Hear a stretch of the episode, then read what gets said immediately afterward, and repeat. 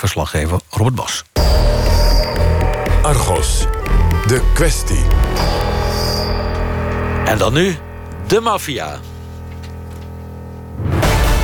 In Amsterdam is gisteravond een Italiaanse maffiabaas gearresteerd. Hij is de hoofdverdachte van een zesvoudige moord in Duitsland twee jaar geleden. In Amsterdam is een Italiaan van 55 gearresteerd... die in eigen land is veroordeeld tot 30 jaar cel voor een tweevoudige moord. De man werd maandag door een arrestatieteam opgepakt. Die aardige Italiaanse gast die maandenlang bij de familie Hulsken... in een appartement in Zandvoort verbleef... blijkt een kopstuk van de Italiaanse maffia te zijn. Met de aanhouding van Pietro Bassi op de Dam... heeft de politie deze week de Italiaanse maffia een gevoelige klap toegebracht.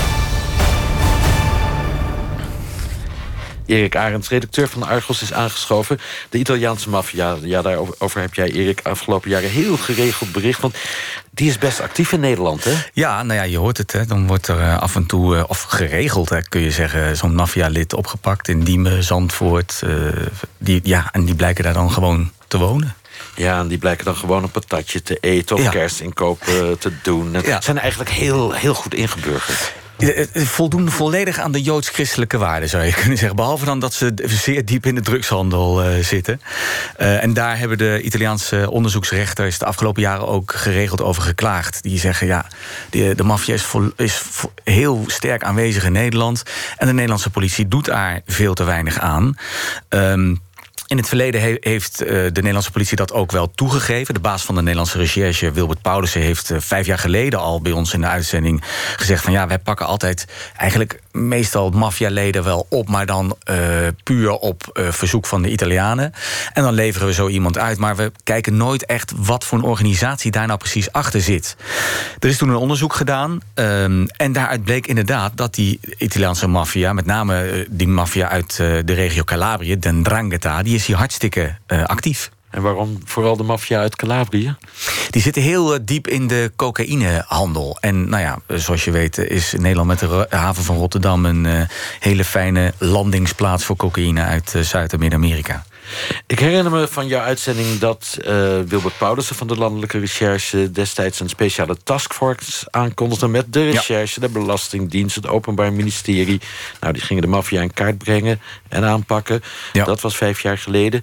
Jij hebt nu nieuws ontdekt. Ja, wij dachten het is nu 2017, dat is vijf jaar later. Wat, wat is er nou gebeurd uh, in die vijf jaar?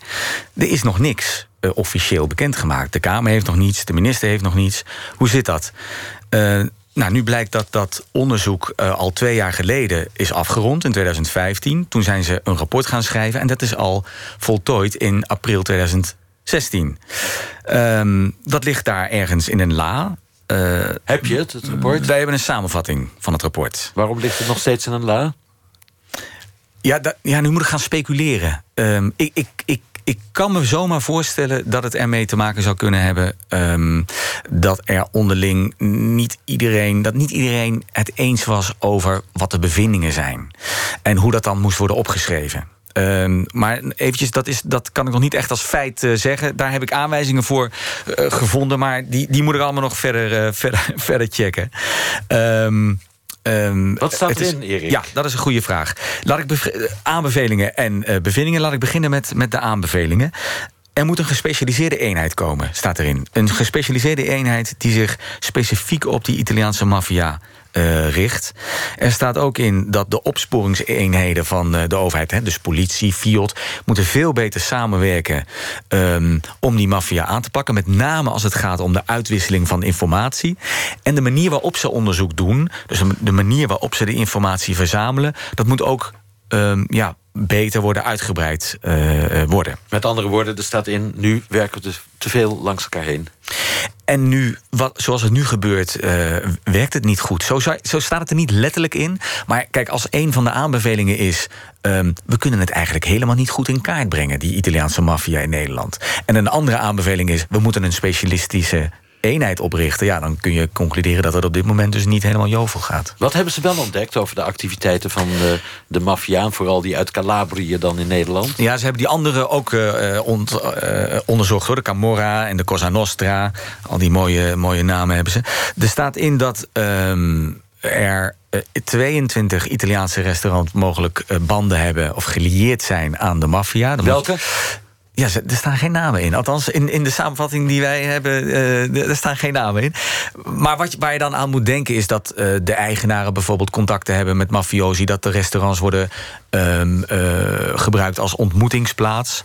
En dat ook eigenaren van zo'n restaurant in het verleden is, zijn veroordeeld voor lidmaatschap van een Italiaanse, sorry, van een maffia-organisatie in, in Italië. En wat ook in staat is dat er de afgelopen periode uitzonderlijk veel mafiosi zijn opgepakt in Nederland. Wel 55 in de periode 92 tot, tot 2014. Maar verder, kijk, wat je eigenlijk zou willen weten is... hoe diep is die maffia nou geïnfiltreerd in de Nederlandse samenleving? Dat was eigenlijk de vraag die in 2012 al speelde. En daar geven ze eigenlijk ook nu nog steeds geen goed antwoord op. Het blijft een beetje vaag hoe diep, dat nou, uh, hoe, hoe, diep die maffia er nou in zit. En dat, is, uh, ja, dat was wel de bedoeling van deze taskforce.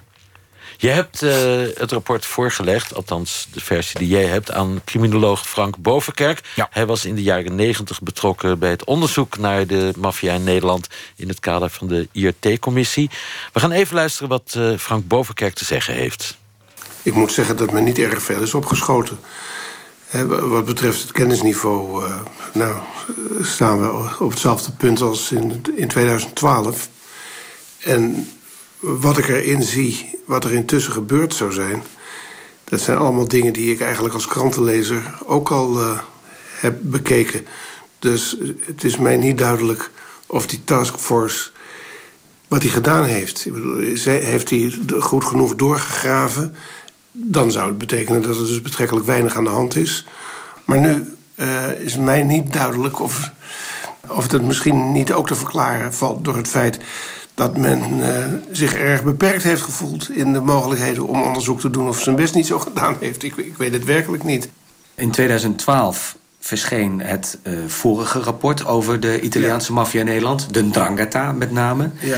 Naar aanleiding daarvan zei Wilbert Paulussen, de baas van de uh, Nederlandse recherche... we moeten hier nader op inzoomen. Want, zei hij, tot nu toe pakten we altijd mafiosi in Nederland op... na verzoek van Italië. En dan leverden we die mensen gewoon uit. En uh, nou ja, dat was het dan voor ons. Wij deden daar verder geen onderzoek naar, naar, naar de organisatie die daarachter zit. Is dat in dit geval gebeurd? Nee, uit wat u me te lezen geeft, niet. Nee, daar kan ik dan absoluut niet uit opmaken. Dit zijn uh, ja, eigenlijk betrekkelijk algemeen bekende noties... die ik ook wel uit de criminologische literatuur bij wijze van spreken kan halen. Criminoloog eh, Frank Bovenkerk was... Ja, hij is heel kritisch eigenlijk hè, over dit rapport. Ja, ja, en ja, het is ook een, een beetje gek rapport. Want er staan wel concrete aanbevelingen in. Maar als je dan kijkt wat de, wat de bevindingen zijn... Ja, dan zeggen ze aan de ene kant... Ja, we hebben, we hebben het niet kunnen vaststellen. Maar let op, de, het risico is er wel. Ja, ja, is het nou wel of is het nou niet uh, aan de hand? En dan, ja, dan komt de vraag toch bij je op... Uh, komt dit allemaal omdat de maffia er helemaal niet is? Hè? Kunnen ze het niet vinden omdat de maffia er niet is? Of omdat er slecht onderzoek is gedaan? En wat denk jij? Is de maffia er niet of is er slecht onderzoek gedaan? Nou, het vorige rapport schreef al dat de maffia er is. De maffia is er. Uh, dat, dat hebben de, de, de Duitse, uh, het Bundeskriminaalamt heeft dat destijds ook al vastgesteld. De Italianen zeggen, de, Italia, de, de, de, de maffia is er. Uh, dus ik denk dat het onderzoek behoorlijk mager is geweest. Ook al als je kijkt naar wat uh, Paulussen, uh, de baas van de recherche in 2012, uh, tegen ons zei. Die zei, die taskforce die de maffia moet aanpakken... die moet een beetje worden zoals de taskforce in Brabant... die nu al die drugslaboratoria Met oprolt. veel succes. Met veel succes. Maar nergens in, in het stuk dat wij hebben staat... wordt duidelijk althans dat ze ook strafrechtelijk onderzoek hebben gedaan. Ze hebben ge gesproken met onderzoekers. Ze hebben vertrouwelijke politieinformatie ingekeken... en fiscale informatie. Maar nergens uit blijkt dat ze ook zelf strafrechtelijk onderzoek hebben gedaan. Je hebt het document ook uh, voorgelegd aan Jeroen Recour, oud-rechter... en Tweede Kamerlid van de PvdA. Althans, nu nog wel Tweede Kamerlid van de PvdA. Even luisteren wat Recour ervan vindt. De hele ambitie, we gaan nu die drangetaars even stevig aanpakken... daar zie ik helemaal niets van terug. Er is gewoon nog steeds onvoldoende zicht. En mijn reactie als ik gewoon de onderliggende tekst lees zou zijn... pak ze aan zorg alsjeblieft dat we die cel, die we in ieder geval zeker hebben van de Ranketaar, waarschijnlijk meer cellen, dat we ze zo snel mogelijk terugjagen naar waar ze vandaan komen. Want het is zo'n ondermijnende organisatie. Ondermijnend niet alleen omdat ze criminaliteit plegen, maar vooral omdat ze de manier van zaken doen overheden. Alles corrumperen ze. Er komt uh, gewelddadige uh, dreiging, soms zelfs met afrekeningen. Kortom, het is iets wat je absoluut niet moet hebben... en dus topprioriteit moet krijgen om aan te pakken. En dan verwacht je toch andere maatregelen. Dan laten we onze ogen open houden... en informatieuitwisseling beter uh, regelen. Dan chargeer ik even de aanbevelingen... maar daar komt kort gezegd wel op neer. Dan verwacht ik ook zet in op stevig strafrechtelijk onderzoek. Gecombineerd met alle diensten die we hebben, bestuurlijke diensten ook, zoals de Belastingdienst. En uh, zorg dat ze hier geen voet aan de grond meer krijgen. Of in ieder geval dat ze hun voeten weer de andere kant heen meenemen naar Italië. Nu weten wij dat dat onderzoek al twee jaar geleden is afgerond. En ook dat het rapport daarover al bijna een jaar klaar is.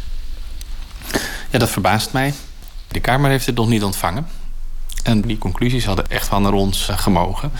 En veel belangrijker, ik zit al jaren op dit onderwerp in de Tweede Kamer. Die minister achter zijn broek. Ik wil weten wat er gebeurt. En als ik dit had gekregen, had ik gezegd... minister, u zegt wat dat allemaal fantastisch loopt. Maar dat lees ik hier niet terug. Dit is toch wel een beetje een hap.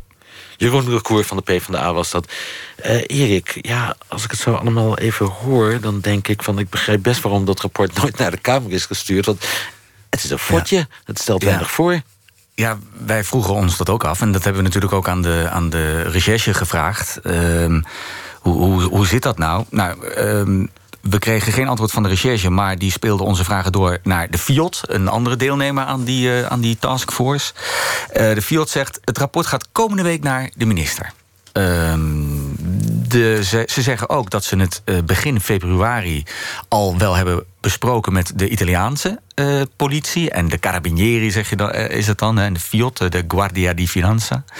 Um, ja, en verder geven ze eigenlijk geen antwoord op al onze vragen, omdat ja, dat rapport moet nog naar de minister en ze vinden het niet echt kuis om dat dan nu al aan ons te gaan, te gaan toelichten. Resumerend, waarom denk je dat dit onderzoek zo lang geduurd heeft... en waarom het al zo lang in de la ligt? Ik, het zou me niet verbazen als er enorm is gesteggeld over hoe er moet worden opgeschreven wat ze hebben gevonden. En dat wat ze hebben gevonden nogal mager was. Ja, en hoe moet je dat dan na drie jaar onderzoek uh, aan de Kamer verantwoorden? Maar goed, daar gaan we verder nog uitzoeken. Het gaat naar de minister. Het gaat ook naar de minister, dat, dat in eerste instantie. Wie weet. Ik dank je voor je komst. Argos-redacteur en maffia-expert Erik Arends. En dit was uh, Argos voor deze zaterdag. Morgenavond meer onderzoeksjournalistiek bij de collega's van Reporter Radio... met een debat over de energietransitie van Nederland. Daaraan doen politici mee van D66, GroenLinks, SP, Partij van de Dieren en CDA... Dat is uh, morgenavond om 7 uur op NPO Radio 1. Straks Radar met Misha Blok, ook al over energie. Over slimme energiemeters namelijk. Die verkeerde standen doorgeven en ervoor zorgen dat je te veel betaalt aan je energieleverancier. Nou, wat moet je doen als je zo'n energiemeter in huis hebt hangen? Dat vertelt Misha straks. Veel wijsheid. Aanstaande woensdag bij de verkiezingen. En nu vast een goed weekend.